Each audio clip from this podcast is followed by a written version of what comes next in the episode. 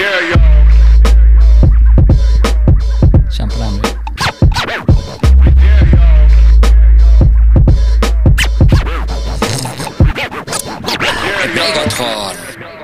Hallo, Anton. Hei, Trond. Åh, så kjekt å ha deg her. Du kler de her eh, hodetelefonene. Alt kler en smukke. Ja, det gjør det. Vi er jo, eh, går jo litt grann tilbake. Vi traff hverandre på et utdrikningslag, var det? Ja, jeg tror nesten vi traff hverandre før Ja, vi traff hverandre før det òg, tror jeg. Ja. På taket til uh, Hva heter det hotellet Tønsberg? Den, ah, ja, på Slottsfjellet oppe På på, Slottsfjell. der med badebassenget. ja, det må ha vært før utenrikslaget, tror jeg. Ja, det var før. For Traff vi hverandre da? Ja, da bada du. Og da Ja. Da vet jeg ikke at du kalte det Trosten, så jeg kalte det for Selen. Fordi du bada så jævlig Ja, på taket der. deilig. Selen henger igjen ennå. Ja, det gjør det. Jo, hos meg i hvert fall. Det er digg. Hva er du, Vi er jo også med i Lunsjklubben, begge to. Heldigvis. Ja, det er veldig gøy. Um, og så er jo du i dag fotograf. Heldigvis. Ja. Er du noe annet? Nei, jeg er ikke noe mer enn det. Altså, hvis jeg skal la det definere meg, så får jeg si at jeg er fotograf. Derfor tenker jeg vi kan snakke litt om andre ting, sånn at ikke bare fotografbiten er definisjonen på deg. Men um, det er jo en grunn til at vi er i Lunsjklubben, og det er jo fordi vi liker mat. Og du er jo veldig, veldig flink på det, Ja. syns jeg. Det er mange i klubben. Jeg er kanskje ikke den beste på å gå, være ute og spise, men du er jo jævlig god på å være ute og spise. Ja, men det jo, var jo hele premisset for lunsjklubben nå. Var jo bare gå ut og spise sammen. Ja. Uh, og jeg gjør jo det mm, hver dag. ja. Ute og spise. I hvert fall én gang. Eller? Ja, én gang om dagen. Ja. Jeg spiser som regel ett måltid om dagen. nå. Ikke, som oftest ikke noe mer. Nei. Og det er en, som regel lunsj òg. Å, så deilig. Stor lunsj, og så er jeg ferdig. Ja. For de som ikke kjenner deg eh, mer enn Anton, har du noen kallenavn og et etternavn? Jeg har et etternavn, det er Sojo. Ja. Jeg har, eh, jeg har vel ingen offisielle kallenavn. Nei. Jeg har noen alias, men ikke noe kallenavn. Få høre et alias. Eh, mitt norske alias er Kolbjørn Svendsen. ja. Eh, det er vel kanskje det viktigste. Deilig navn, da. ja. eh, jeg vet ikke hvor det dukket opp. Jeg tror det var broren min som fant på det for mange mange år siden. jeg gikk på ungdomsskolen, At jeg het Kolbjørn til mellomnavn. Ja. Eh, mange på skolen trodde på det veldig lenge. Eh, så tenkte jeg det er greit å ha et helt norsk alias, fordi etternavnet mitt er litt sånn avslørende. Eh, For det er italiensk. italiensk. Ja. Eh, også litt sardisk. Mm. Oi. Så ble det Kolbjørn Svendsen, som ble et veldig fint alias. Så jeg googlet eh, på den tiden, eller om jeg googlet, fall søkte opp hvem jeg klarte å finne som het Kolbjørn Svendsen i Norge, og så ringte jeg alle sammen. Å ja. Bare for å sjekke, og alle var gamle menn. I hvert fall på den tiden der. Så da var det greit at du Så det er en utdøende gjeng, så er det greit at jeg tar det. nå. tenker jeg. Ja. Men du sa det var ikke italiensk, men hva for noe? Sardisk. Ah, ja, fra Sardinia. Ja, Sardinia, ja. Ah, for det er der eh, familien kommer fra? ja. Det er Min far, far var derfra. Ja. Så det er veldig, hvis en italiener ser mitt etternavn, så ser han at det er en U på slutten, og det er veldig typisk Sardinia. Ah, ja, det er alltid en Og U. her er det sånn, Hvis en fyr fra Roma ser at det heter Sorcio, så å, det er fra Sardinia. Ja, ok, ja. Ah, Så vet jeg at jeg da er selvfølgelig litt mindre verdt enn de på fastlandet. yes.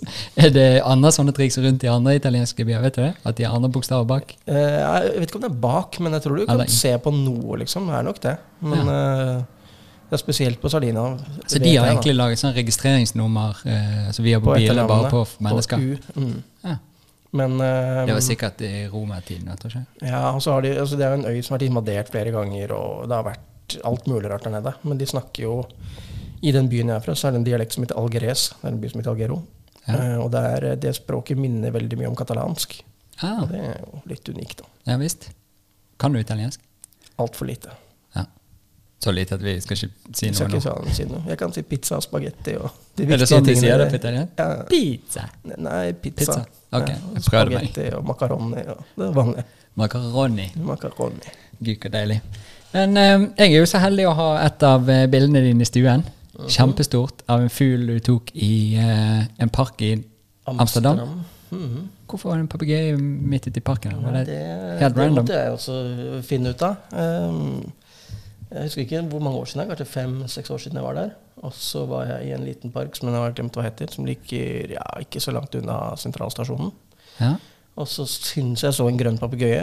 Nei, det var ikke noe grønn papegøye der. Det er viktig når det er. Amsterdam Ja, du ser sånne ting. Jeg tenker ikke at det er det. Jeg har sett det i Barcelona og sånn, men tenker sånn, Amsterdam er kaldt og dritt alltid, føler jeg. Da skal ikke være papegøyer der.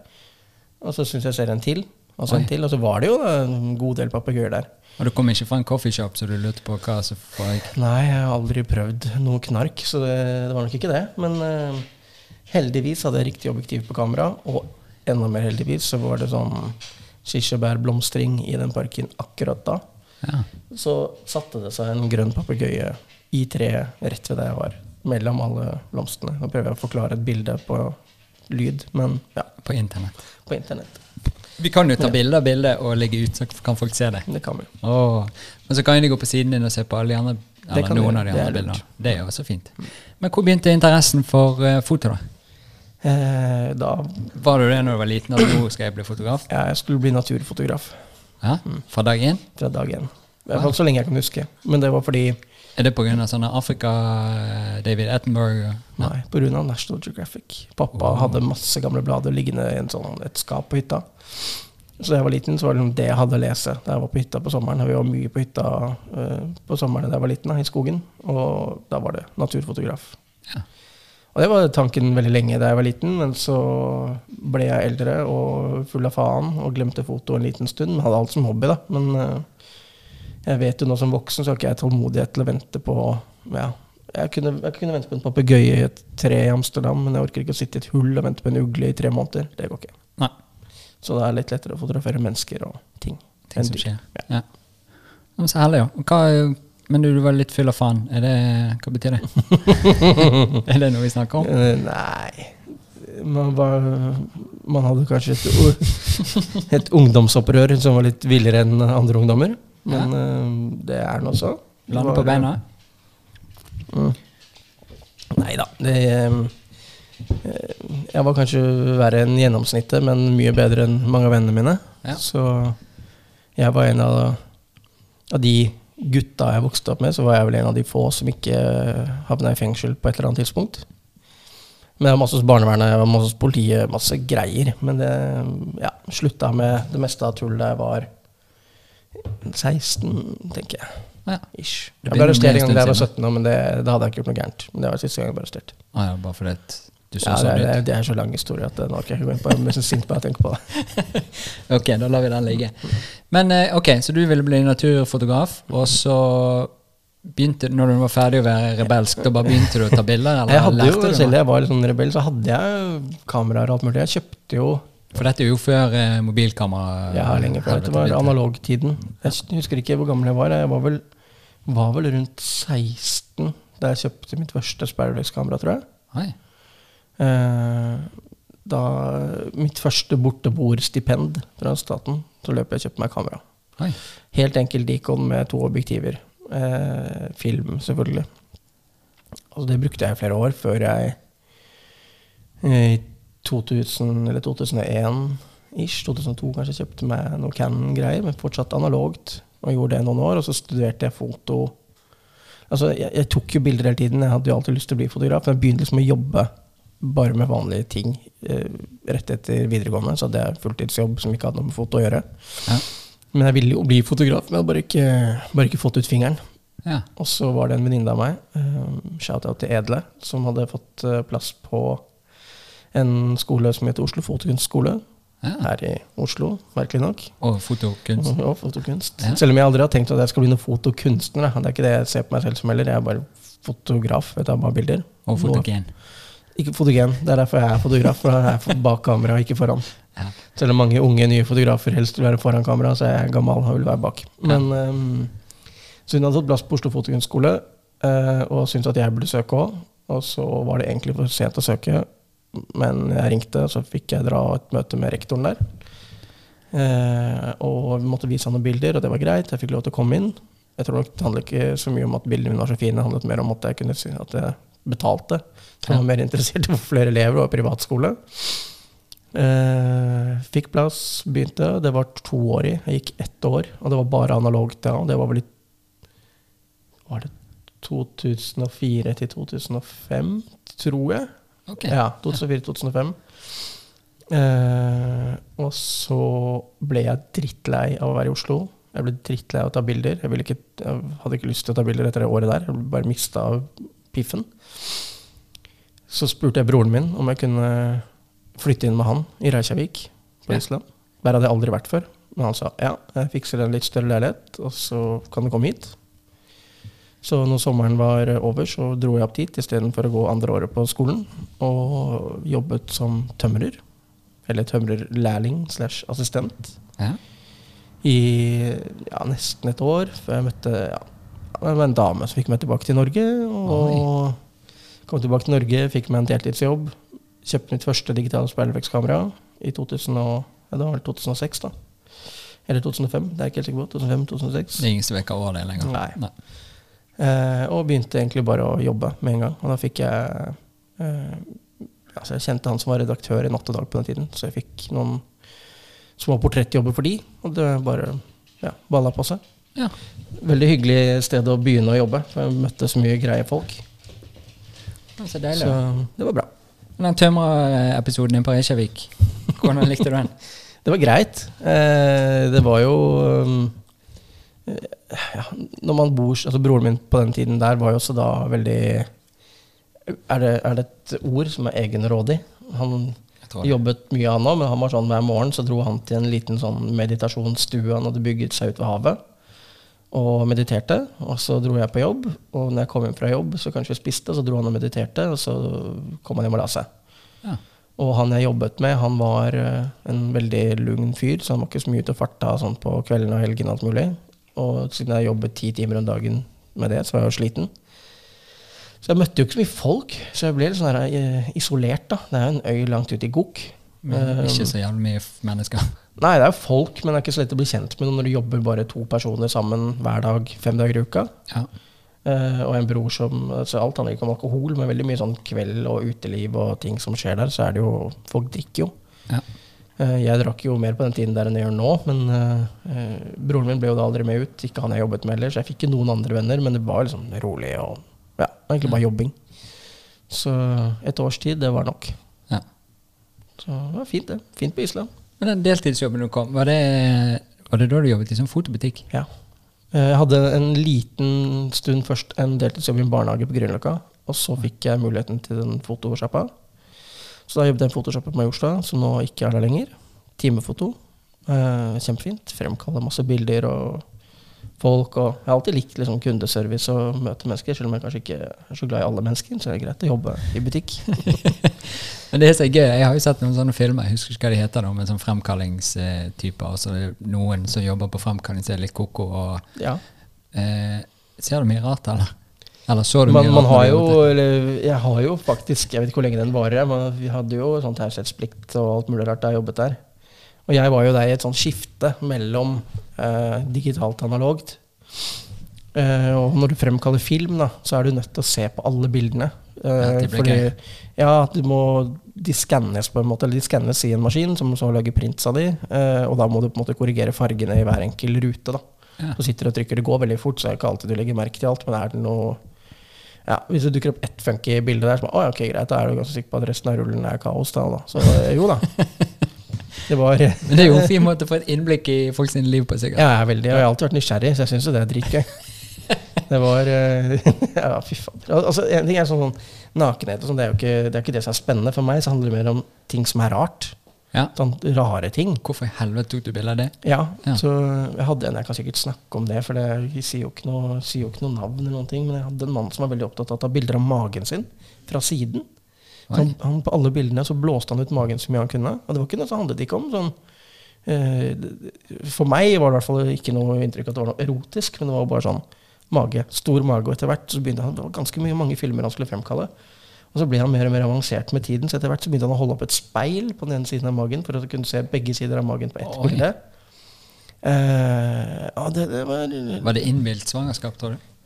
Nei, jeg tror bare han hadde en, en rar fascinasjon for sin egen mage. Eller om han sendte bildene til noen som var glad i magen hans. Jeg aner ikke. Men eh, det rare da var jo at vi var jo da i en slags kjede.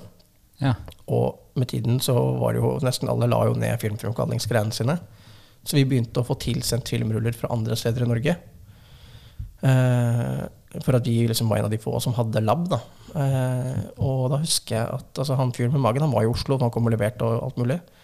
Så var det en eller annen fyr fra et eller annet sted langt oppe i Gokk som leverte inn en rull med film. Ja. så var det plutselig noen få bilder der av Magemannen. Så han har vært på Ah. besøk hos en annen fyr et eller annet sted i Norge. Og så sto det og tok bilde av magen hans.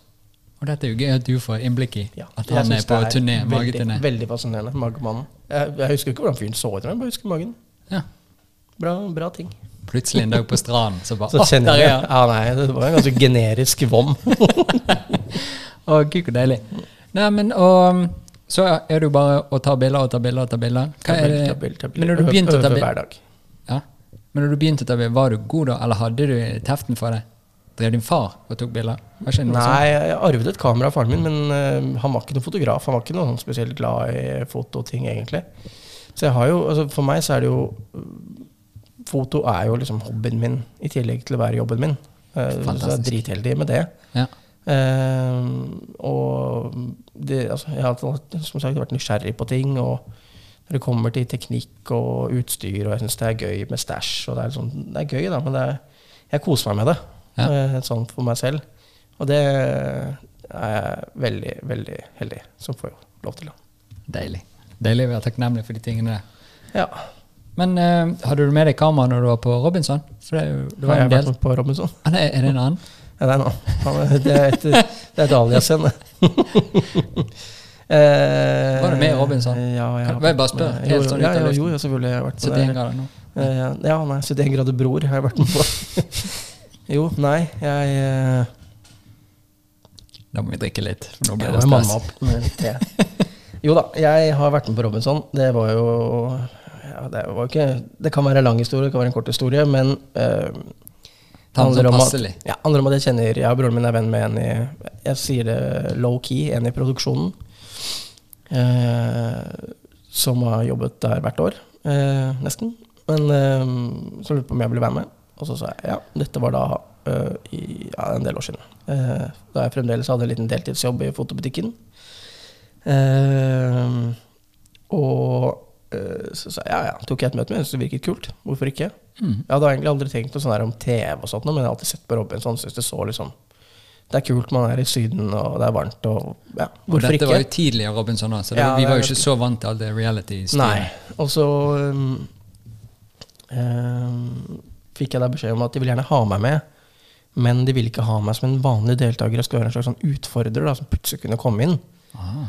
Eh, og det husker jeg, det sa jeg veldig direkte til hun fra TV3 eller Strix. Eller da, så sa jeg det kan du bare drite i. Og så ble hun liksom satt ut. Og så sa hva mener du? Så sa jeg nei, jeg kan ikke bare slippe det jeg har i henda. Jeg har jo foto og butikkjobb og alt mulig rart. Så jeg kan ikke bare dra på kort varsel til andre siden av jorda. Ja, ok, ja, det var synd, og bla, bla. Og så gikk det en liten stund, eller et par måneder, eller noe sånt, og så ringte hun, og så sier hun ja, eh, vi vet hva du sa sist, men vi vil fremdeles spørre. Dette var en torsdag. Vil du dra til Malaysia på søndag? Og så sa ja, selvfølgelig vil jeg det, men jeg må sjekke med jobben. Ja. Så måtte jeg gi det et svar til dagen etterpå, og dagen etterpå så hadde jeg klarert med sjappa og flytta noen fotojobber og ting og tang, og sa ja, nå kan jeg dra. Flott. Eh, Fikk beskjed om å dra til legen eh, for å ta noen vaksiner. En lege de hadde. Ja. Hun spurte når skal du dra. Så jeg, nei, om to dager. Da, så det, det funker jo egentlig ikke med de vaksinene, men jeg kan gi deg det jeg kan, og så får du få flere ting der nede. Noe jeg aldri fikk. Mm, Mm, mm, TV3. Ja. Eh, og så fikk jeg beskjed om at du må være der nede en måned. Minimum. en- da ble jeg fire til fem uker, tror jeg. jeg måtte være der. Ja, greit. Ja. Eh, søndag fløy jeg. Uh, fremme mandag. Tirsdag satt jeg og to norske andre utfordrere, to jenter, inn i en hule. En grotte på en øde øy eh, alene. og Visste ikke hva vi drev med, visste ikke hvor lenge vi skulle være der. Visste ikke om er det bare oss tre. Hva skjer? ja. I Syden. I Syden, i Malaysia. Langt ute i Gok, ute i havet. Um, noe vi senere fikk vite at det var såkalte helvetesøya vi var på. Å, helvete. Det var litt helvete. Men uh, så kom det en gammel gubbe som var til resten av produksjonen, og så hadde han blitt stemt ut eller tapt en konkurranse. Neste morgen så ja, ble det en konkurranse mellom han og en av de jentene. Hun tapte, ble sendt rett hjem, mens vi tre som da var igjen, ble sendt til de andre deltakerne da, på en egen øy. Der holdt jeg ut. Jeg var vel totalt ni dager på en nødøy. Eh, det gikk ikke opp for meg hva jeg egentlig var med på før jeg var liksom i den grotta og kameraene kom. Hva faen jeg driver med? Jeg vil ikke være på TV. TV-greiene var jo helt teit. Jeg ble bare på en øde øy. Ja. Eh, så tenkte jeg faktisk jeg vil jo ikke bli Jeg tenkte jeg vil ikke bli assosiert med å liksom ha vært med på Robinson. Det er ikke det at man blir, nå blir du ikke kjendis av Man på reality lenger, selv ikke på den tiden der. Men jeg tenkte sånn, Skal folk huske meg når jeg er på fot og jobb, eller hva som helst? Ja, det var ikke du han for det der. Jeg hadde ikke lyst til det. Og samtidig, bare, øh, ja. og, og samtidig var det alle de andre deltakerne det var der med, de satt liksom på kvelden rundt bålet, alle snakket om liksom hvor store altså De skulle bli TV-kjendiser, hele gjengen. Ja, de hadde De en en der. agenda. Ja, De hadde en agenda, de var der for å være på TV. Ja. Og du Og jeg, var være jeg ville ikke være på TV, så jeg var sånn når kameraene kom på morgenen og vi drev og styra, så tok jeg meg ofte bare en lang lang svømmetur. Jeg, og bare duppa utover et korallrev så lenge jeg kunne. Ja. Og gadd liksom ikke å styre så mye foran kameraene, så jeg var jo ikke akkurat en bra deltaker. Jeg var ganske kjedelig. Men da vi hadde sånn såkalt synk, der vi sitter liksom og snakker med, sånn, med en ja, regissør rett i kamera da, og lydmann ute fra gruppa, Ja. det var de samtalene jeg følte da mens jeg var der nede, som faktisk var noe. Ja. De, det var ikke det at det handlet om å snakke med de om hva som skjer på utsiden, alltid, for det fikk ikke de lov til, men bare det å snakke med vanlige mennesker. Så sånn i synk så tror jeg det var ganske bra, for jeg prata og bla, bla, bla, bla. Det gikk helt greit. Ja. Uh, men alt det andre så var jeg sånn Jeg føler som alle de andre var så fake med kameraene var der, alt mulig, det, det var så langt unna reality, da. Ja. Så, og fordi folk var så obs på kameraene hele tiden, for de var der ikke hele tiden. De kom på morgenen da solen sto opp, og før solen gikk ned, så dro de. Så det var jo altså, Det er jo ekvator, så det er jo ja, solen står opp sånn i 60 og ned sånn i 60 Ja. Så vi har da sånn 10-11 timer, eller kanskje er et kamerateam, så kommer de frem og tilbake. Så du blir veldig obs på kameraene på en sånn produksjon. da. Ja. Så de ni dagene var egentlig helt greit. Eh, da ble jeg sendt ut. Det var helt greit, for da fikk jeg og de andre utstemte deltakerne Vi bodde på et dritfint hotell på en egen øy med all inclusive, holdt jeg på å si, som med mat og kos. Så var det Så det motsatte helvete, sier motsatt helvete, så ja. Så da var det bare liksom fest og mat og bading i tre uker. Og da hadde jeg med meg kamera dit, da. Så jeg fikk, gikk rundt på øya der og tok bilder og koste meg. Jeg hadde fri. Gud a meg, så deilig. Jeg prøvde å få med kamera som personlig eiendel på Robinson, men det sa de nei til. Hva personlig eiendom var det du tok med deg, da? Og jeg prøvde å si, jeg ga de første Da jeg var på det intervjuet, så ga jeg de en liste. For det har jeg alltid tenkt sånn Hvis jeg skal være med på dette her, så skal jeg prøve å ta med en ubrukelig gjenstand. Hva har man minst bruk for på øde? Så jeg tror øverst på lista tror jeg skrev en pose med sand. Ja. Eh, så, men så tok jeg noen sånne ting. Jeg skrev til kamera. Eh, det var sånn no go. Det hadde liksom vært litt rart. Og så har du, ja, vanskelig, ja. Det hadde jeg sikkert bare gått i stykker med alt sand og varme og alt mulig. Så et kamera der. Men så tok jeg også mamma.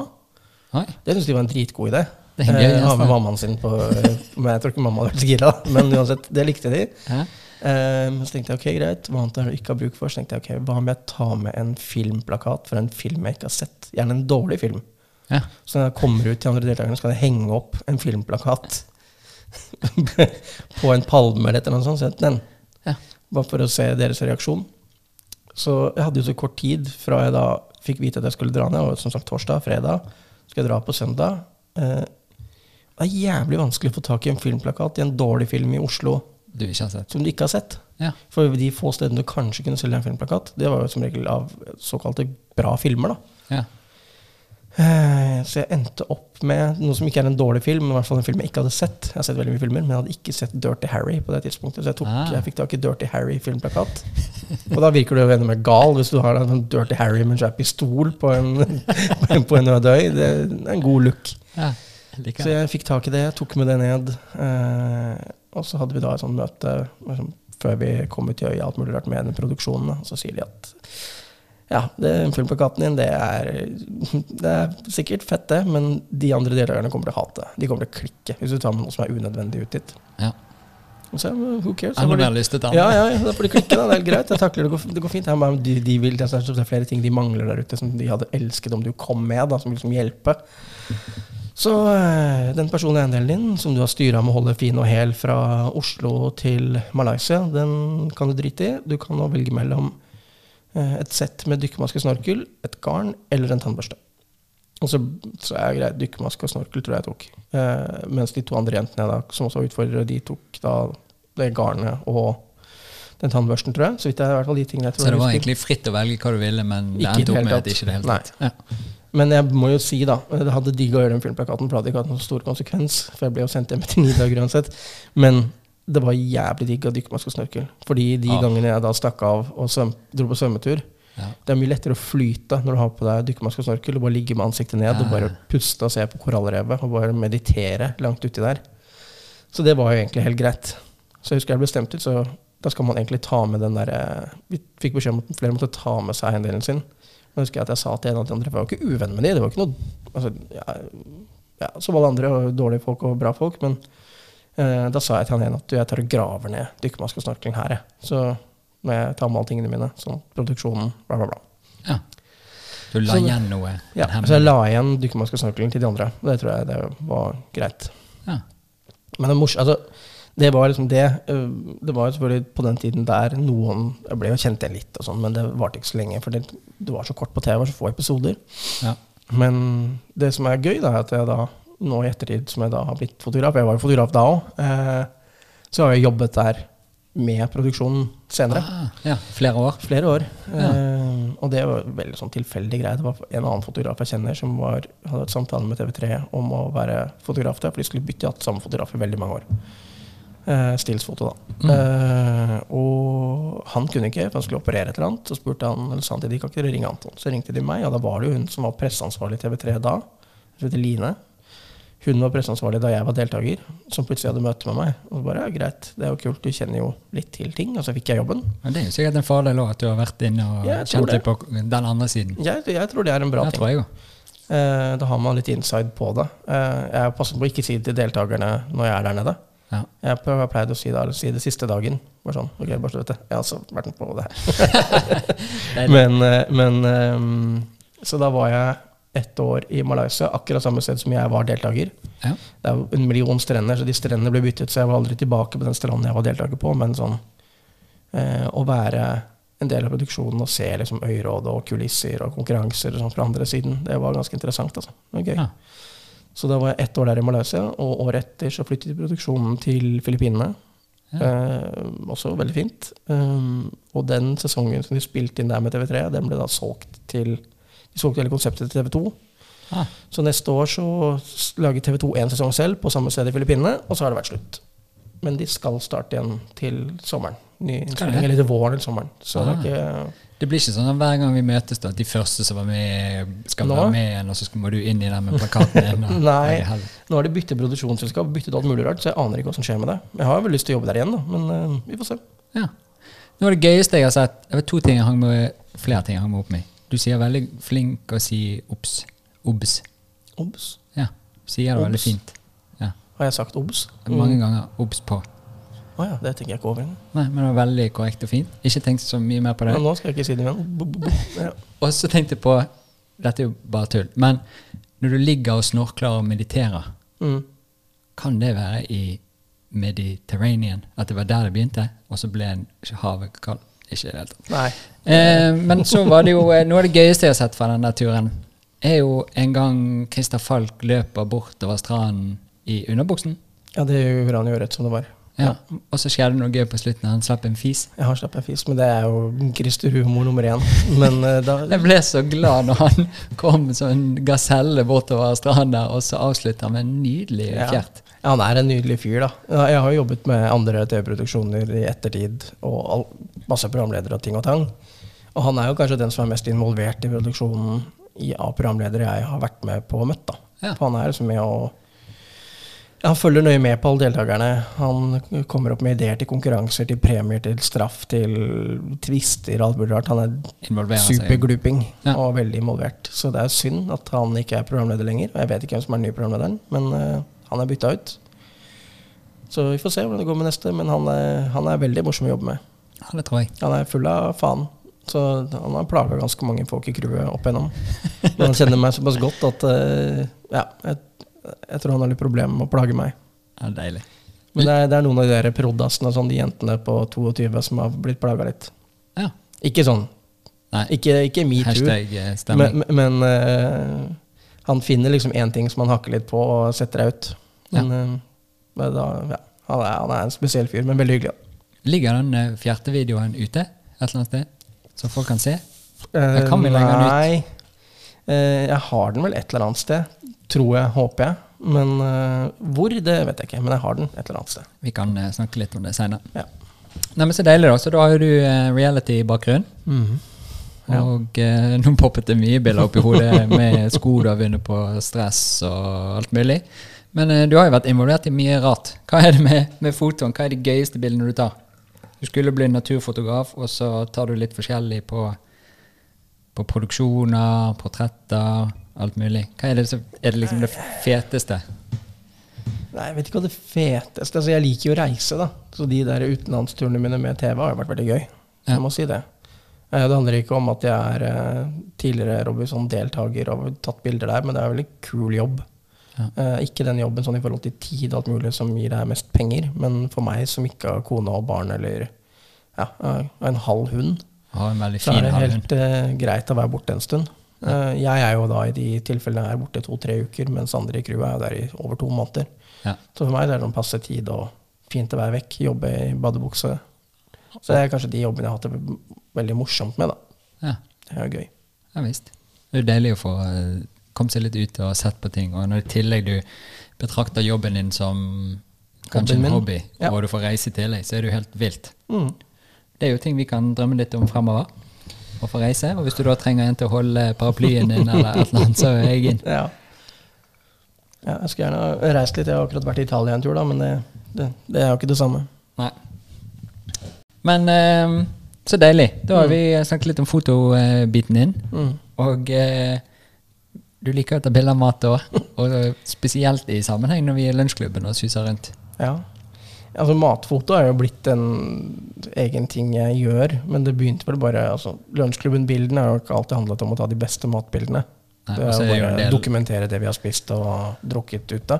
Så er det jo ferdighetsforskjeller i denne gruppen her òg på foto. Ja, ja, men det, det er sånn det er. Eh, så der er det jo Noe er litt mer forseggjort, og noe har jeg tatt med mobilen, men det viktigste er liksom å vise at det vi spiser, er, ser digg ut, da.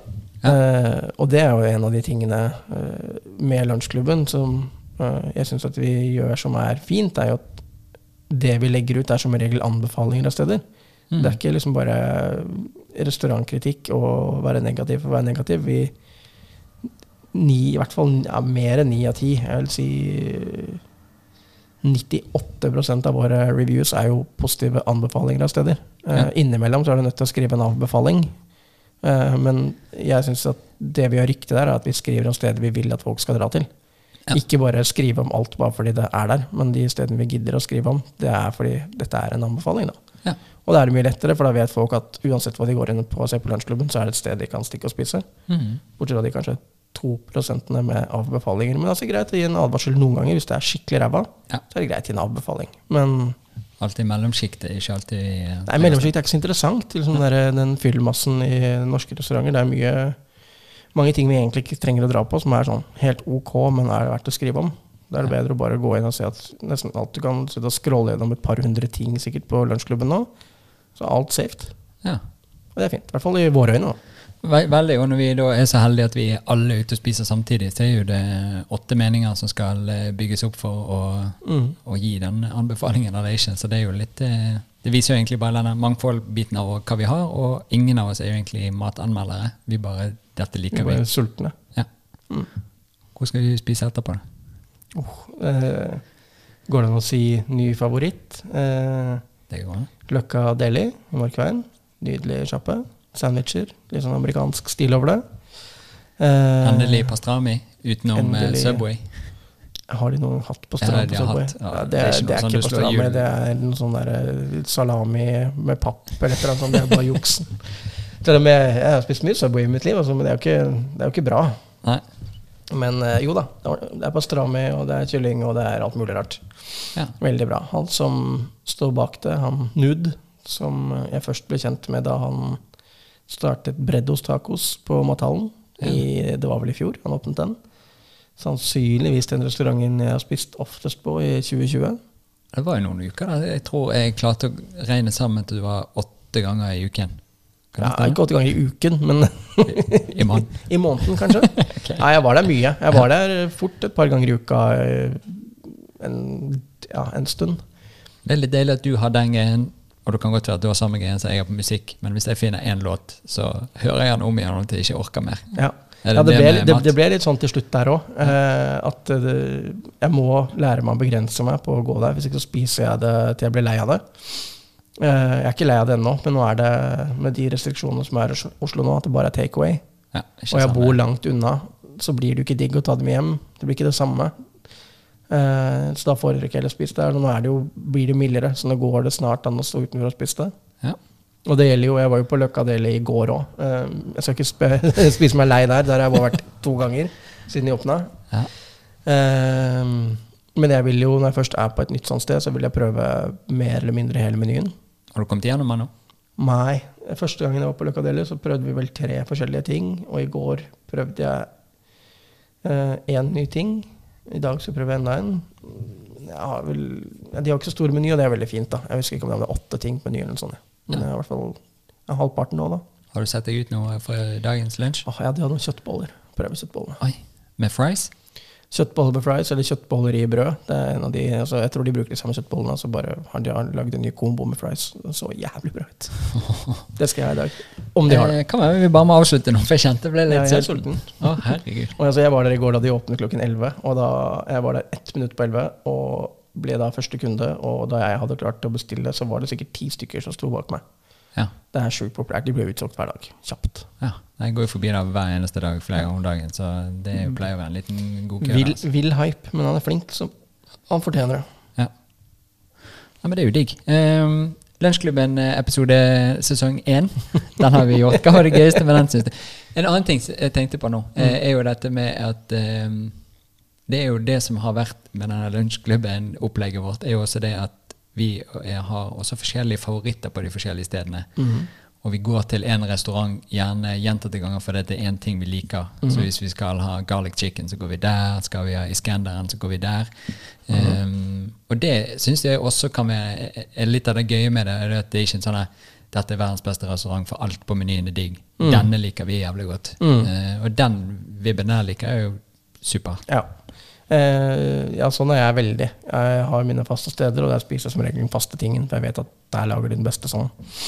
Eh, mens noen steder så Altså en del steder som kanskje ikke bytter menyen til så ofte, som har de samme tingene alltid. Eh, det er ofte det liksom enklere sjikt restauranter, og der har jeg lett å finne seg en favoritt og bare gå for den hver gang. Men det er sånn jeg liker med han eh, sånn som Breddos tacos, da. At han ja, at han plutselig har en ny Ja, det er onsdag. Ja, ok, ja, jeg har fått, fått tak i noe sånn svinekjøtt, og nå lager jeg det. Ja. Bare i dag. Ja. Det elsker jeg. Så da prøver jeg alltid nye ting. Og prøver noe nytt. Og det er det jeg syns med restauranter i det sjiktet der som utforsker mer da, enn å bare lage en fast meny og holde seg til den for alltid. Ja. Så det syns jeg flere og flere har blitt flinkere på i Oslo. da, Ja, og trikse inn Ja. nye ting eh, uten at det må Ja, så sånn enkle fastfood-steder de kan gjerne holde på sin faste meny. Eh, De hverdagskjappe stedene holder seg til faste ting, men McDonald's. ja, jeg digger jeg. Ja. Ehm, men ja, det er det som kjennetegner en god, ordentlig restaurant nå, da, er at det er en utvikling der.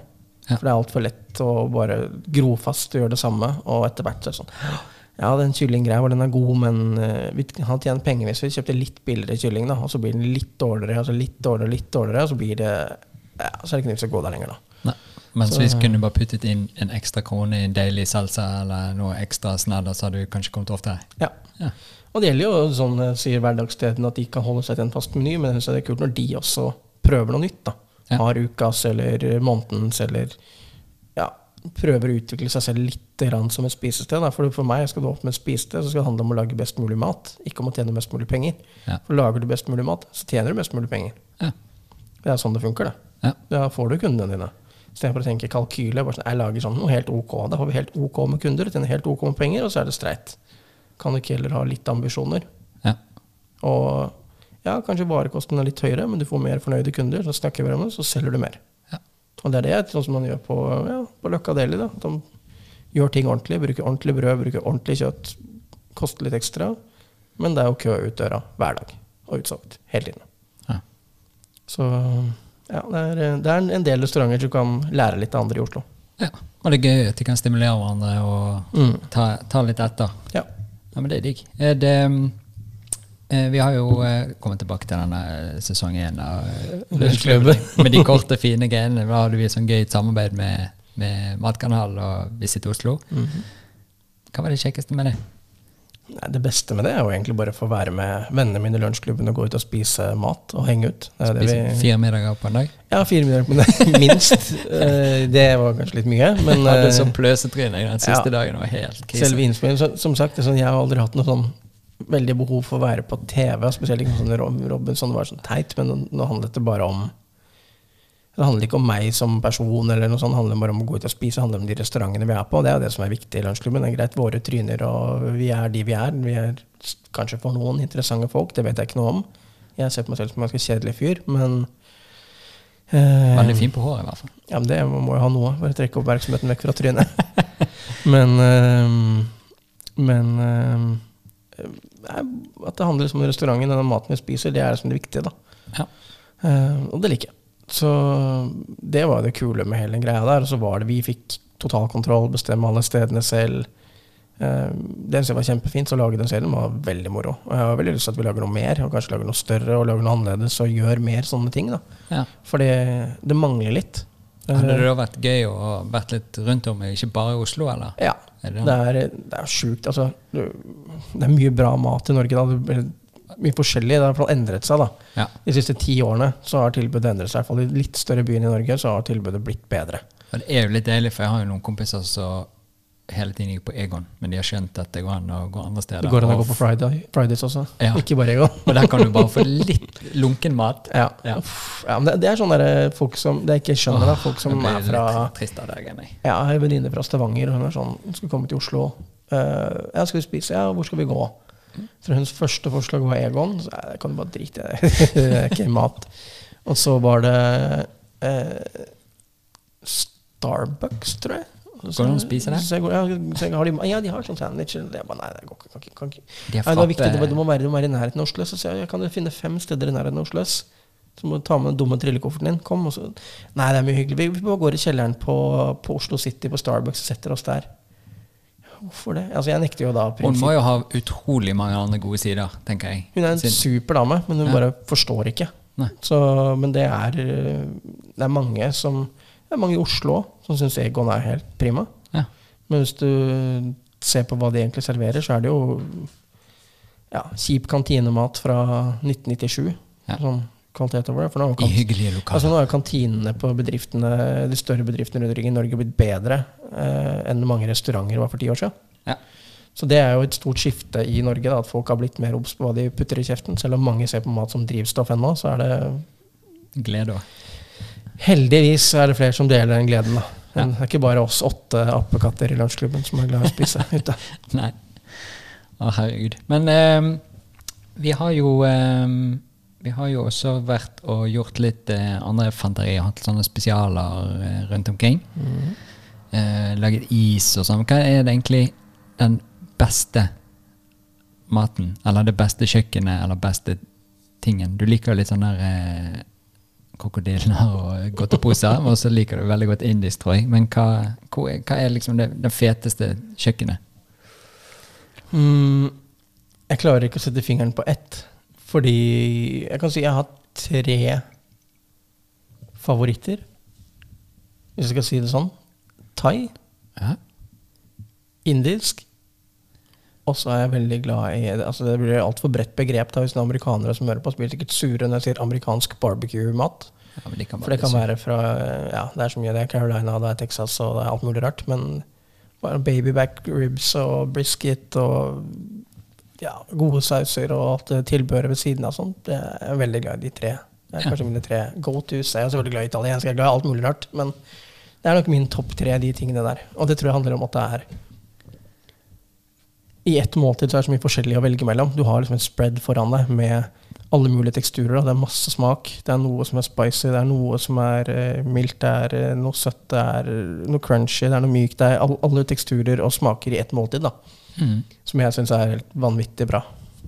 Og det gjelder alle de tre. Hvis man har et ordentlig bord med mat fra enten Thailand eller India eller ja da, USA. Ja. Så Amerika. et store Amerika. Ja.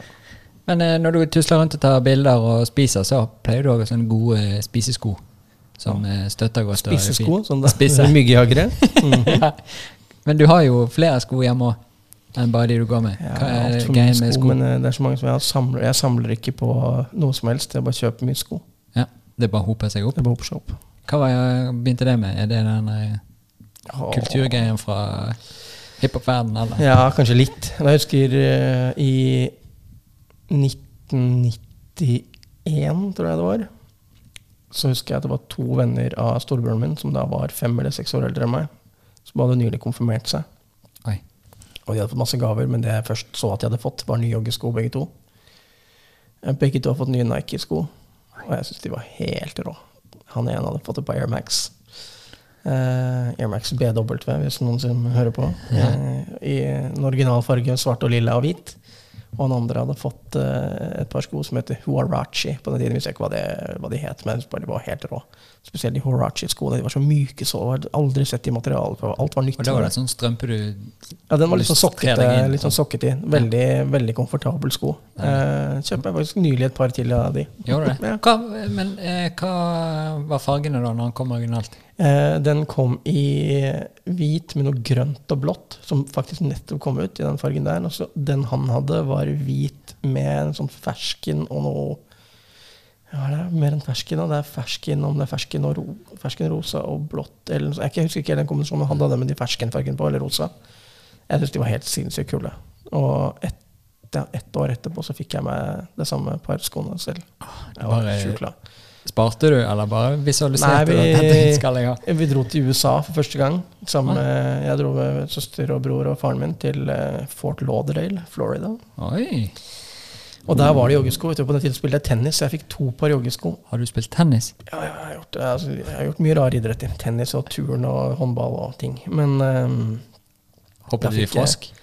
Nei, jeg sto på hendene og slo hjul og gjorde mye ting på turn. På håndballen? Nei, på håndballen. Nei, der var jeg dritdårlig i håndball. Det, det var den dårligste, jeg var den dårligste på håndballen. Jeg var helt ræva, så jeg hvorfor begynte jeg? Men ehm, vi var i USA. Jeg fikk to par med sko. Det ene var et par tennissko. Eh, Agassi sin eh, signaturmodell Airtech Challenge 4 eller noe sånt. Eh, og så fikk jeg et par eh, signaturmodeller til Bo Jackson, som på den tiden var amerikansk fotballspiller. Han, han switchet over til baseball òg, tror jeg.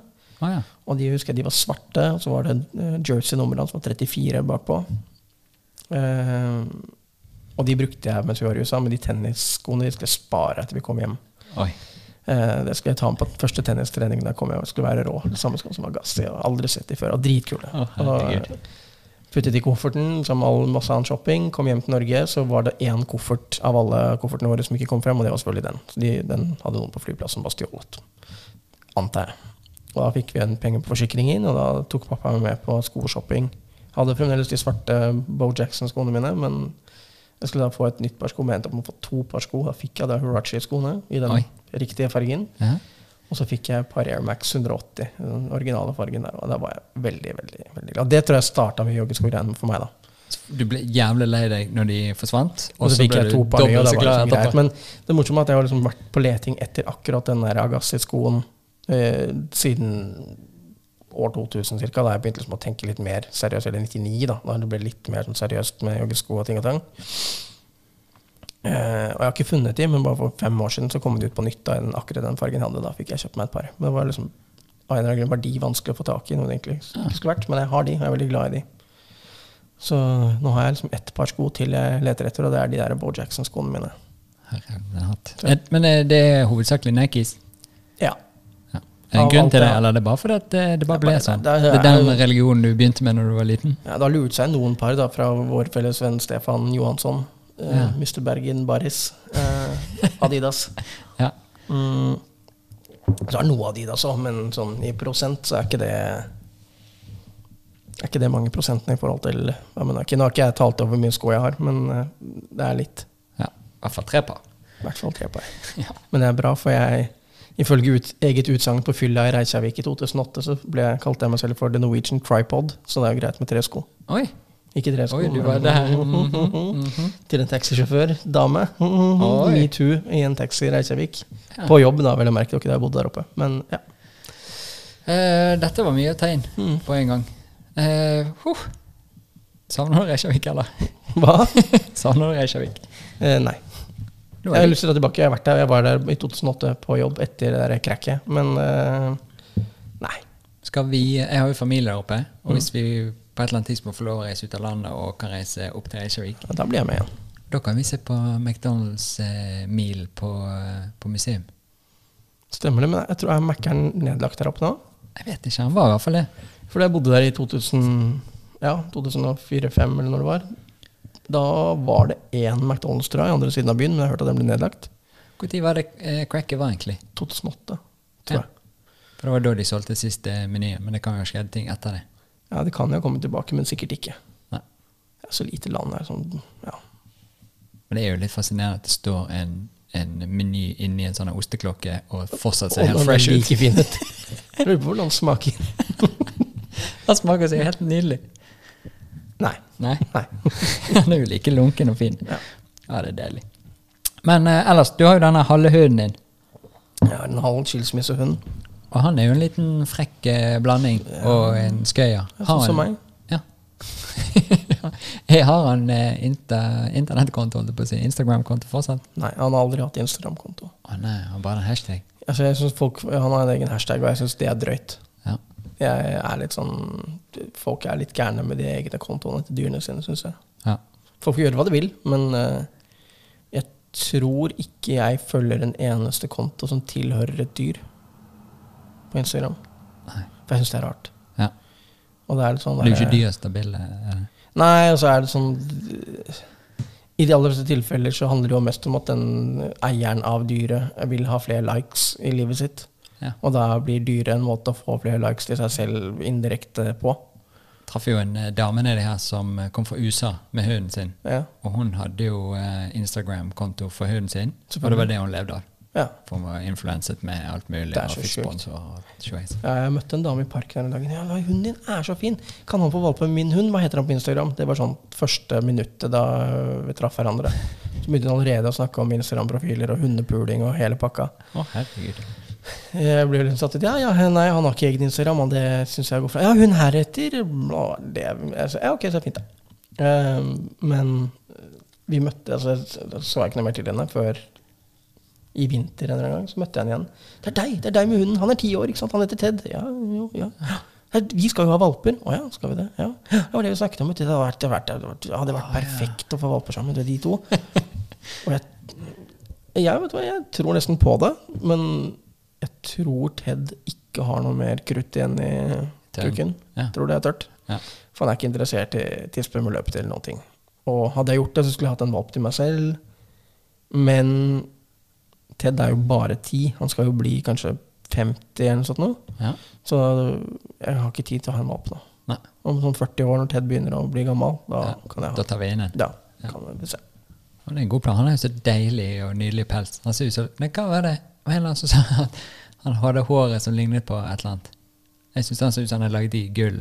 Ja, det er en gyllen liten fyr, men hva det er laget som, det vet jeg ikke. Det var en eller annen gang vi traff noen som sa en sånn perfekt beskrivelse av hva håret var. Men jeg kommer ikke på En gyllen Donald Trump. Jeg vet ikke.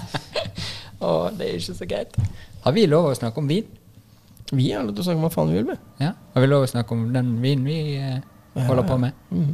Altervinen vi skal lage. Ja, Også de der deilige nattverdkjeksene som kommer med? Åh, jeg var jo nettopp i en sånn eh, minnestund i kirken i Italia for tanten min. Og da sto han presten der oppe og drev og styra med altervin og sånne kjeks. Og jeg hadde så ikke lyst til å, at han skulle komme ned og gi meg det.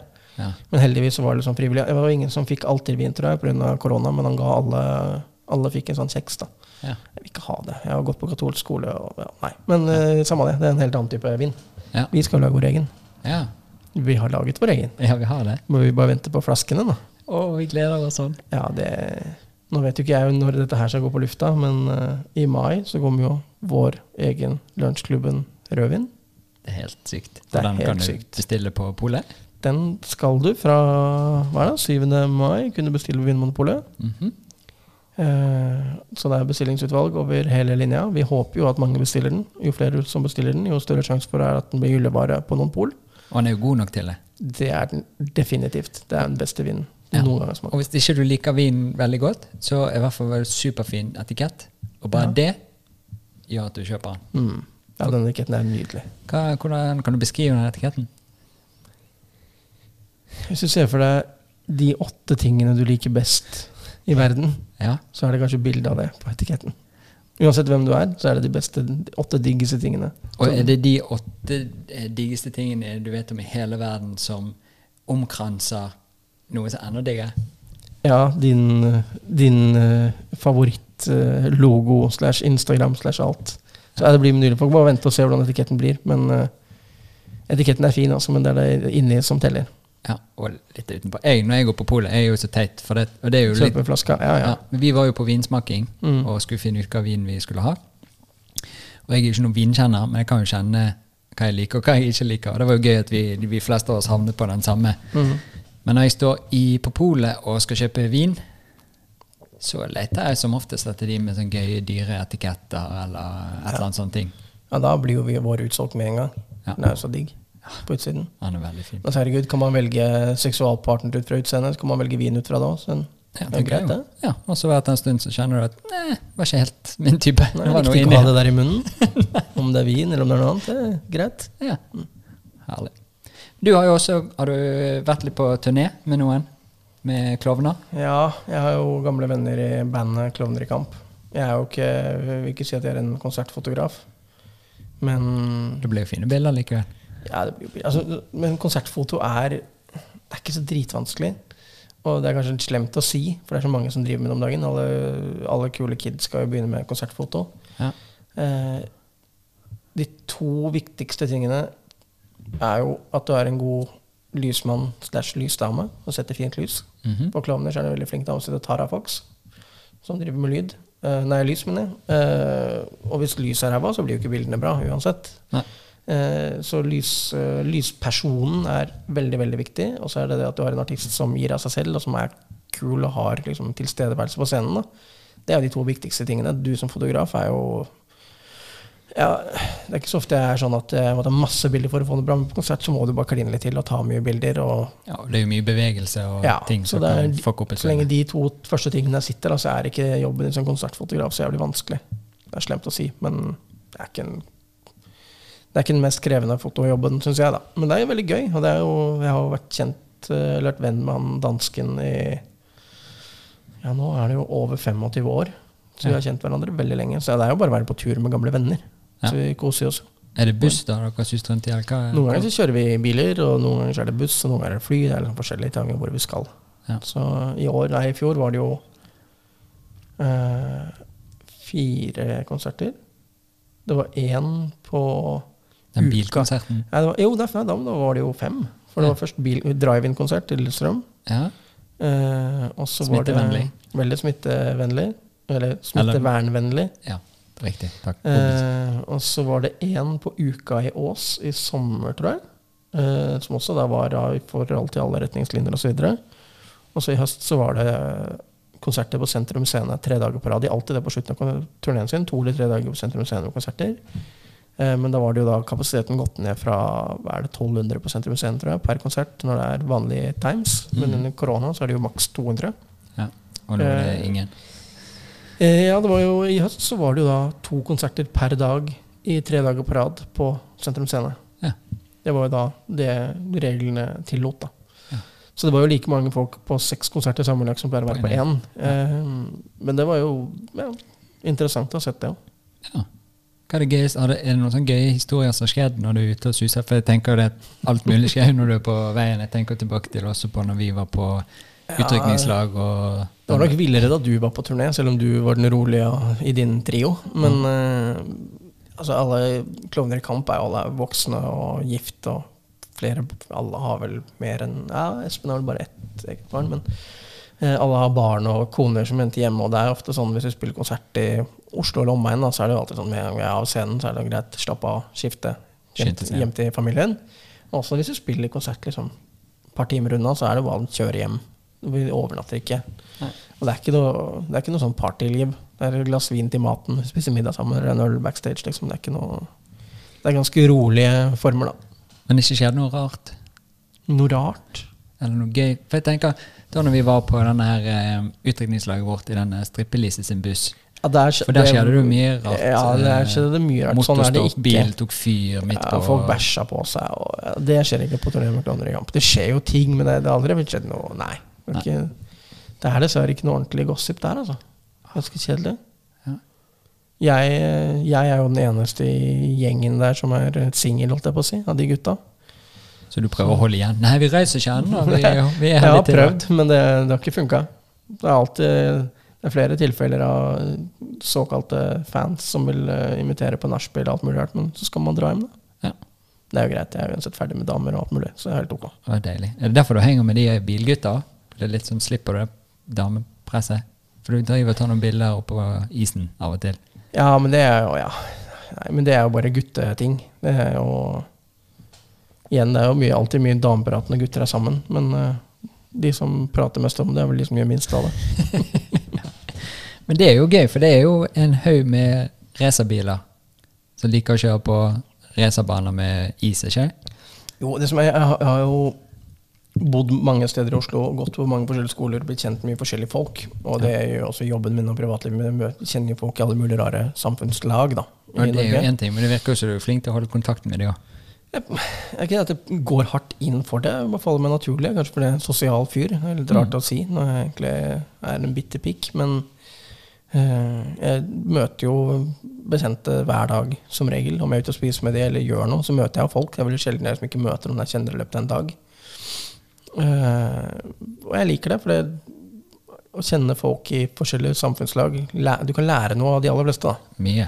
Eh, og det er, jo, det er jo sånn på begge sider. Jeg har venner, som, som jeg sa innledningsvis, jeg har venner, mange av vennene mine satt i fengsel og alt mulig rart. Eh, samtidig så har jeg liksom venner fra de øvre økonomiske lag. Som, men alle lærer meg noe. Ja. Og de har jo kanskje de vennene mine som har valgt en helt annen løpebane i livet.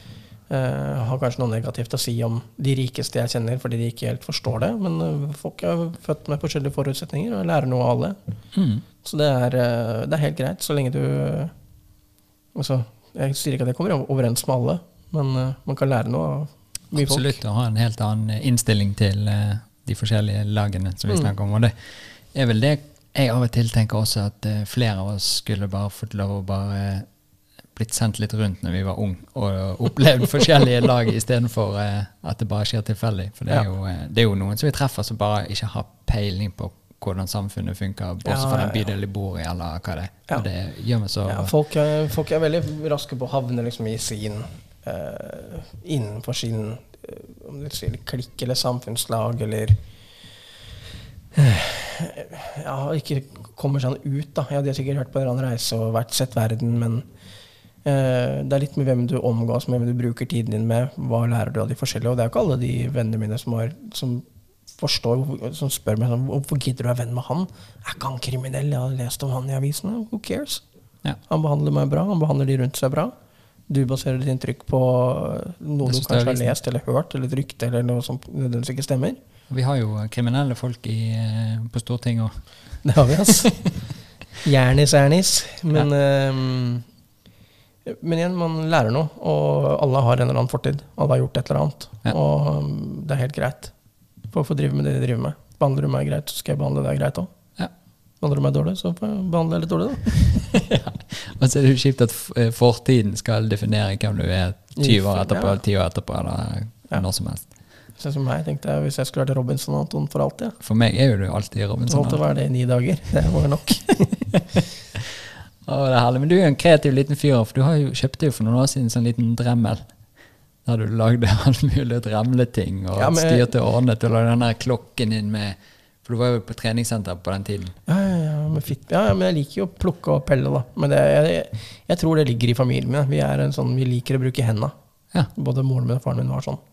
Så det tror jeg bare det. Det er pelle og plukk. ja. Se hvordan ting funker, eller bare Ikke nødvendig, Bare, bare pille og plukke. effektivisere ting, kanskje. Ja. Sånn som det med klokka. Ha med seg mindre ting ut. Og så er det gøy når noen har eh, funnet ut noe som gjør at du kan ta det opp et hakk. F.eks. sånn der eh, q-tips med kamera på og lys. For det har du fått Mm. De finner på smarte ting i Kina òg, altså. Ja. De gjør det. Hva Så syns du om den dingsen? For jeg har sett på den sjøl, skjønner Du har lyst på en sånn? Om jeg har? Åh, jeg Hva kostet den? jeg tror det er en 300 spenn. Du er gitt vekk. For det er en penn. Ja, nei, det er ikke en penn. Det er en sånn Ding. Den er formet som en penn. Ja. Og så sitter det da et bitte lite kamera med noen bitte små sånn lysdioder helt i tuppen. Og så er det en liten sånn plastskje med sånn gummibelegg på, så du kan ta av det gummibelegget. da. Eh, veldig liten skje. Så skal du- Gummibelegg, er det sånn litt som ser på sofaen eh, på, Nei, nei, nei, det er sånn gummi, nesten som en dong. Å ja. Eh, og så skal du putte den inn i øret, så det er en egen app. Og så putter du den inn i øret, så filmer du hva som skjer der inne. Så kan du da liksom finne ut akkurat hvor ørevoksen din er, og så forsiktig ta det ut, så det ikke liksom, du stikker deg inn i trommehinnen eller et eller annet. Ja, den onde følelsen. Ja, og jeg, jeg syns jo det er sånn Jeg q-tips er helt ekkelt. Alle, le, alle leger sier du skal ikke putte q-tips i øret, da dytter du bare driten lenger inn. Det minste du skal ta inn i øret, er albuen din. Ja, og det, det klarer jeg ikke. Ikke heller jeg. Så, og jeg er ikke en person med spisse albuer heller. Men eh, Nei, så det er en ganske kul greie. Og i tillegg er det sånn Du kan bruke den til mer, vet du. Oi. Si at du føler, si at du føler Uff, Jeg vet ikke om jeg vil Si vite at du føler deg i bakhodet, da. Sånn, hva, hva er det egentlig jeg har der? Så er det ikke alltid, sånn, Kanskje du ikke klarer å se det med et speil. Så den forstørrer jo. Den går jo så veldig tett på. Så kan du se rundt med kroppen. Du kan bruke den i øret på hunden din, f.eks. hvis du kanskje har ørebetennelse. I nesa, hvis du føler du har en busse eller en kvise eller et inngrodd hår. Eller. Ja. Det er smart, altså. Jeg burde begynne å selge det. der. Denne kan du bruke ute i det offentlige, og hvis du hører noen snakke om noe bak deg, så tar du bare opp denne øredingsen og ser du bak. Det er ikke lyd. Og så, og så, ja, og så bare se. fokus, Du hører noe, men du, Den, den er låst på Det er ikke noe lyd i det hele tatt. For du trenger ikke høre hva som skjer inni øret ditt. For du et øre. Du må høre noe. Ja, det hører du jo selv. Ah, ja. Men eh, den optikken er laget for å fokusere, vel, fokusere veldig nært på den der lille skjea. Ja, Der sitter liksom Så det er ikke spionkamera? Ikke spionkamera. Med mindre du skal spionere inn i øret eller rumpa. Det kan du også gjøre. Ja. Hva fant du inni øret? Eller fant du noe? Veldig lite ting. Veldig rent? Veldig rent. Så, For det er det jo også på alle de reklamene, som ligger det alltid jo- sånn brun ja, ja, men det, det skal jo være ørevoks i øret. Det er en grunn til at det er der. Ja, ja. Det skal være ørevoksen. Det lages for en grunn. ja. Men eh, det går jo an hvis det er noen som har problemer med at det klumper seg på ørevoks. Det har jeg aldri hatt. Jeg er bare nysgjerrig. Jeg vil bare se hvordan det ser ut inni der. Kanskje det er, jeg, jeg, for jeg tenker sånn Kanskje øret mitt er fullt av ørevoks. Jeg liker ikke å bruke q-tips så ofte. Jeg syns det, det er ekkelt. Ja. Og de gangene jeg gjør det, ja, kanskje er det ørevoks noen ganger. Jeg tror ikke jeg har noe mer ørevoks enn en vanlig mann, men når jeg tittet inn der, så var det nesten ikke noe. Nei. Og det var litt digg, for jeg syns det er ganske ekkelt med. Jeg Sånne ting er Ja, da er jo verdien av denne uh, dingsen, ikke pennen, men den eh, øredingsen, er jo der allerede. Når du kan bare avkrefte at ja, det er ikke er opphopning av Så jeg har noe. fått stilt eh, nysgjerrigheten min. Ja. Nå vet jeg det, det ser bra ut, det. Tenk på han der, Så du han der for lenge siden som hadde en sånn kakerlakk inni Det er marerittet mitt. Ja. Det er marerittet Og da er det greit å ha en sånn. ha en sånn, så ser du det. Men da hadde jeg faktisk Det det er slemt å si at jeg hadde tatt livet mitt, men hvis jeg hadde puttet den inn i øret og sett at det var en eller annen sånn kakerlakk der inne, da hadde jeg mista grepet. Da hadde jeg mista grepet totalt, fordi altså, slanger, edderkopper, øgler og alt mulig er ikke noe problem med det hele. Jeg syns ikke det er ekkelt det Men når de bor inni øret ditt Men kakerlakker spesielt, eller sånne ting som bor inni øret, nei, da, da er det bare å dytte meg foran toget, altså. jeg er ferdig. Uff. Jeg hadde jo eh, kjenner til en fyr som fikk bendelom ut av nesen. Og han ble Var han nøys, eller kasta opp, Nei, han bare, Jeg vet ikke om han satt og spiste, eller hva det så bare kom det bendelom ut av nesen. og så da- skjøter han, ja. Nei, han bare ble jo aldri den samme etterpå. Han ble litt tullerusk. Og så var det en annen som var i Afrika, som fikk et lite stikk på låret. Og sånn. Afrika, det store kontinentet, et eller annet sted i Afrika. Fikk et lite stikk, og så var det veldig veldig vondt inni låret. og Jeg husker ikke hvor mange uker det var etterpå, men så pillet litt på skorven, så bare rant det med lava ut. Så var det sånn hull langt inn i låret der de hadde bare lagt og blitt klekket og oh, kom hit. For jeg har sett en sånn der, Det er én type flue som ligger i larven. Eller det blir bare én larve, da. Men den blir jo stor som en drue liksom inni der. Åh, sånne ting er ekkelt. Sånne parasitter. Sånn, det er ekkelt. Jeg har jo vært mye borti Asia, men jeg har heldigvis aldri fått noe sånt. Oh, som jeg vet om. Kanskje det er en parasitt som sitter og snakker nå. Jeg vet ikke om det er ikke Trond lenger. Nå er det ikke noe sånn at vi har alltid en viss mengde parasitter og sånn på kroppen uansett. Garantert. Mange sånn i, øy, øy, I øyenvippene så pleier det å sitte en sånn midd, og det er mye greier. Ja, Midden fra Bergen. Men det er jo kanskje litt av den greien som jeg tror foregår også nå, at vi har en sånn idé om at vi er mennesker, og så er det alt mulig mikrober og viruser og bakterier og sånt. Det er noe andre. Men vi er jo full av det, og det er en grunn til at vi er full av det. Det kan, vi jo er være, det kan jo være sånn konspirasjonsspørsmål. Det er vi som er parasittene på jorda, da. Og vi tar ressursene Men ja, det er nok eh, ja, Jeg mener jeg har lest noen greier om det, at det er sånn andelen eh, liksom, parasitter og småting på jorda. Sånn, vekten av det er ganske stor. Ja. Vi er jo bare en liten Ja, er bakterie på moder jord, tenker jeg. Ja, vi er nok det. Men eh, ah, jeg tenker at han eh, kompisen min som ligger borti kroken her, Baltoen, Han spiser jo alt mulig. Og jeg har hatt noen hunder før og så har spist alt mulig. Og det kommer ut igjen Men det er ikke alltid like lett å få det ut. En gang så kan han spist en strømpebukse. Og det er jo ikke gøy for noen. For det ene er at du har med deg kanskje én sånn bæsjepose. Kanskje to i, en i backup. Og så står du Kanskje du, jeg har alltid med meg minimum fem eller seks. Oi, Alltid. ja, for du har litt problemer med Nei, men jeg, del jeg, nei, jeg er bare redd for at jeg ikke har nok. Akkurat det skal skje. Mm. Men ikke akkurat det, men bare sånn Plutselig er han dårlig, og plutselig kanskje han bæsjer ti ganger på den turen her. Hvem vet? Jeg har med masse poser. Uff. Men den der, eh, den i hvert fall, strømpebuksen, er jo ikke noe du får ut på en gang. Og så kan du ikke dra for hardt, for da kommer tarmer og alt ut, så blir det jo fullstendig kaos. Men dette er gøy. Vi hadde en sånn skumgummimadrass på den første hunden vår. En Forster, korthåret Forster, veldig snill uh, jente. Og så har hun spist skumgummi. Og så tenkte jeg ikke mer over det. Greit, det kommer sikkert ut, vi bare gir det noen dager, så ser vi. Men når du da den sitter seg ned i huk og begynner å presse, så kommer det ut en vanlig bæsj som plutselig ganger seg med ti i størrelse. I den kom ut? Ja. Så har den vært inne i eh, tarmsystemet og blitt presset sammen med alt mulig væske og bæsjemolekyler. Og så idet han kom inn, så bare svopp, bopp, og så sto han med en pose. Veldig fortvilende situasjon og mye øyenvitner. Uh, har du hatt noen sånne opplevelser, eller? Med meg selv eller med Ted? Begge. Nei, ikke noe sånt. Men det minner meg på at jeg har sett et uh, program som heter My Strange Addiction. Eller My Strange Addictions. Ja, hva er det for noe? Eh, det er sånn TLC-program, og der var det en dame som spiste skumgummimadrass. Det var hennes ting. Og hun spiste sykt mye skumgummi hver dag. Hvorfor? Det var hennes sånn stressmekanisme. da. Ah, ja. Hun var veldig tjukk også. Hun har blitt tjukkere og tjukkere. Eh, Men er det da en tjukkas fordi det er full av sånn skumgummi? var det. Ja. Det, er, det, er, det veldig morsomt. Jeg liker sånne rare programmer. Selv om jeg synes ting, er ekkelt, men ting som er ekkelt, kan være fascinerende òg. Er ikke det litt sånn som skrekkfilmer? Jo, men jeg ser heller folk spise skumgummimadrass enn skrekkfilm. Ja. For det er jo ekte, i hvert fall. ja. Men programmet er helt sykt. Men hun spiste sykt mye skumgummi. Du fikk aldri se bæsjen hennes, men det var sikkert helt insane. Sikkert samme greien. Bare komme ut, og så poff, Men hun tok det ikke i så store biter av gangen. da Men Jeg skjønner liksom ikke hvordan hun klarte å spise en stor bit. Aner ikke. Men han der fyren spiser jo en halv kebab med sølvpapir Ja. i ett jafs før jeg får tid til å omrømme. Det er så flaks med Ted. Han spiser ikke mat han finner. Han spiser ingenting han finner ut av. Han bare snusser, så går han videre. Han er ikke kresen dritt. Ja. Jeg har spist menneskebæsj en gang. ja, det har han har gjort òg. Da er det vanskelig å forholde seg til. For du kan vaske hunden utenpå. Vi pusset, mange vi pusset tennene Det er slemt å si det, men min tidligere samboer pusset tennene hans med tannkrem. Og man skal ikke bruke mennesketannkrem på en hund. mm. Hvert fall ikke- hvert- fall eh, hvis den har xylitol, for xylitol er veldig farlig for hunder. Noe Ja. som det ofte er tygget tyggis og noen tannkremer. Men etter det så har han ikke spist eh, menneskebæsj. Så det er trikset bare med en tannbørste med litt eh, farlig tannkrem på. Ja, i hvert fall ta noe han ikke liker, og børst eh, kanskje ikke ta noe som er giftig for han, men ta noe han ikke liker, så kanskje han skjønner at hvis han hvis seg fort nok etterpå, da, at han skjønner at det er, at det er en sammenheng. Åh.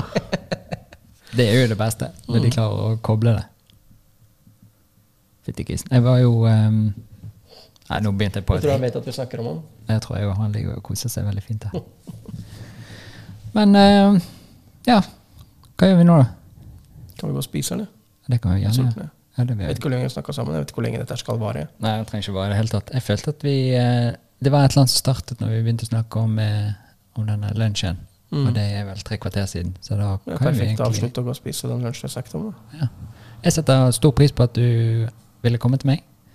Ja, Veldig glad for det. Så takk for det. Og eh, jeg har jo på følelsen at vi kommer til å gjøre litt gøye ting, sånn at vi kan eh, snakke sammen oftere. Hvis du har lyst. Ja, så ser det ut som vi ble veldig fine på, på på kamera. Ja. Da spiller jeg den deilige outroen min, jeg. Så er vi jo ferdig. Takk for i dag. Ha det. Ha det. Det var feil. 100 prosent Ja, på feil knapp. var det så kjedelig. Så Jeg finner er ikke knappen. Er det er sirisser. Sirisser. Der kom den. Liker den.